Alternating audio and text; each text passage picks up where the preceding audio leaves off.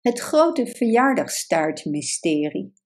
Het was de dag van de vijfde verjaardag van de kleine Pauline en ze was zo opgewonden.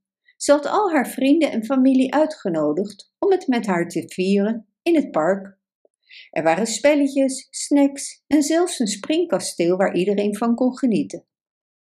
Terwijl het feest vorderde, kon Pauline niet wachten op het hoogtepunt van de dag het uitblazen van de kaarsjes op haar grote mooie verjaardagstaart. Ze had de mooiste taart uitgekozen die ze kon vinden, met kleurrijke hagelslag en lekker wit glazuur. Maar toen het eindelijk tijd was voor Pauline om haar wens te doen en de kaarsen uit te blazen, sloeg het noodlot toe. De verjaardagstaart was verdwenen. De vrienden en familie van Pauline zochten overal naar de ontbrekende taart, maar die was nergens te vinden. Pauline was diep bedroefd. Ze had zich de hele dag verheugd op het eten van die heerlijke taart.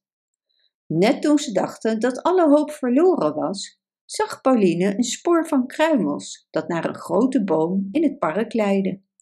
Ze volgde de kruimels en zag iets dat haar hart deed smelten. Daar in een nest, hoog in de boom, zat een familie vogels te genieten van Pauline's verjaardagstaart.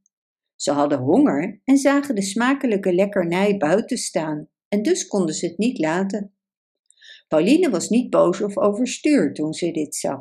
In plaats daarvan was ze blij dat de vogels konden genieten van haar prachtige taart.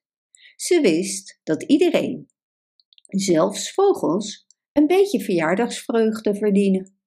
Dus ging ze terug naar haar feestje en speelde spelletjes met haar vrienden.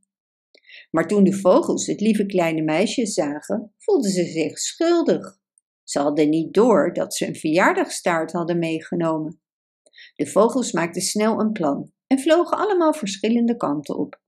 Het babyvogeltje plukte een grote roze roos als cadeau. De peutervogel kocht een ballon. De moedervogel maakte een verjaardagscupcake. En de vadervogel verzamelde de vijf kaarsjes die hij van de taart had gegooid. Terwijl Pauline in het park aan het spelen was, hoorde ze de vogels tjilpen. Zij en haar familie en vrienden zagen de vogelfamilie vanuit de lucht naar beneden vliegen. Ze legden al hun cadeaus op de picknicktafel en tjilpten: Er was er een jarig voor het meisje. Pauline was erg dankbaar en blij met de grote inspanning die de vogels hadden geleverd. Ze blies de kaarsjes op de verjaardagscupcake uit en deed een wens. En dat, mijn vrienden, is het verhaal van het grote verjaardagstaartmysterie. Bedankt voor het luisteren.